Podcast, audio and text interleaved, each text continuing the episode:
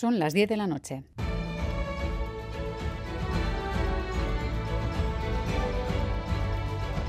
Radio Euskadi y Radio Vitoria.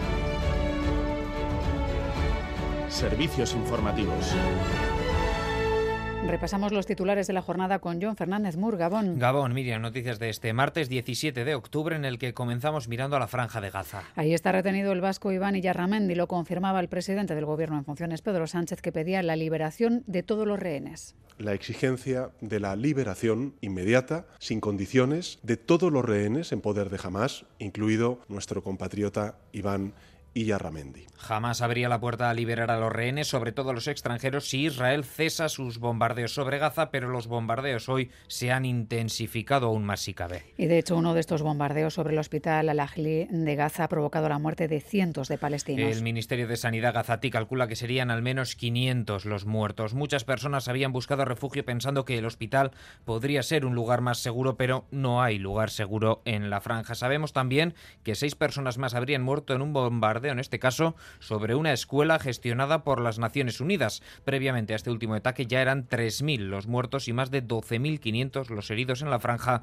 a causa de los bombardeos. Israel, por cierto, afirma que el cohete que ha caído en el hospital ha sido lanzado por la yihad islámica y no por ellos mismos. Se espera que el presidente estadounidense Joe Biden llegue mañana a la región. Pues bien, tras este ataque sobre un hospital, el presidente de la autoridad palestina, Muhammad Abbas, ha cancelado la reunión que iba a mantener con Biden y ha decretado tres días de luto. Por su parte, la Organización Mundial de la Salud ha condenado con firmeza el ataque que considera sin precedentes sobre el hospital. También Egipto, clave para la posible entrada de ayuda humanitaria, lo ha condenado con la mayor rotundidad. Algo más tibias las instituciones europeas. El presidente del Consejo, Charles Michel, se ha limitado a afirmar que está fuera de la legislación internacional.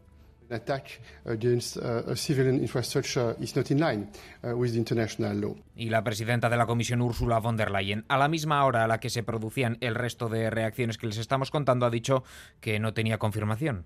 I have just been informed about the incident. I need confirmation. I cannot comment in, at this moment y que no iba a comentarlo. En el seno del gobierno español, la vicepresidenta en funciones, Yolanda Díaz, ha dicho que estamos ante un crimen de guerra. En casa, protagonismo para la sentencia del Superior de Justicia del País Vasco que limita el uso del euskera en la Administración. Ante un recurso de Vox, el portavoz del gobierno vasco, Bingen Zubiría, mantiene que los jueces del contencioso vasco han ido más allá de los criterios que marcó el Constitucional en su aplicación no ha generado ninguna controversia ni ninguna polémica en las instituciones locales vascas, pero que como consecuencia de la intervención de un partido político que ha llevado esta causa a los tribunales de justicia, pues nos hemos visto envueltos en una maraña que todavía no sabemos con claridad qué consecuencias puede tener.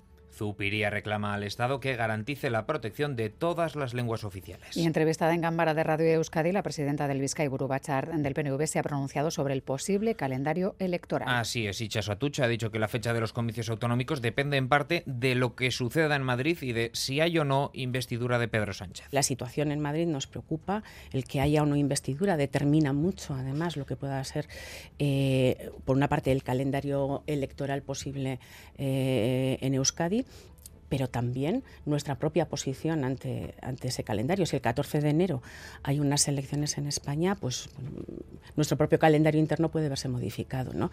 En cuanto al tráfico, el Departamento Vasco de Seguridad pide mucha precaución al circular por carretera por las fuertes rachas de viento en todo el territorio que provocan caídas de árboles, ramas o desplazamiento de señales de tráfico y otros elementos en obras. Además, informa de que permanece cortada la Guipúzcoa 3750, la carretera entre Azcoitia y Vergara por el Osu, después de la caída de un árbol.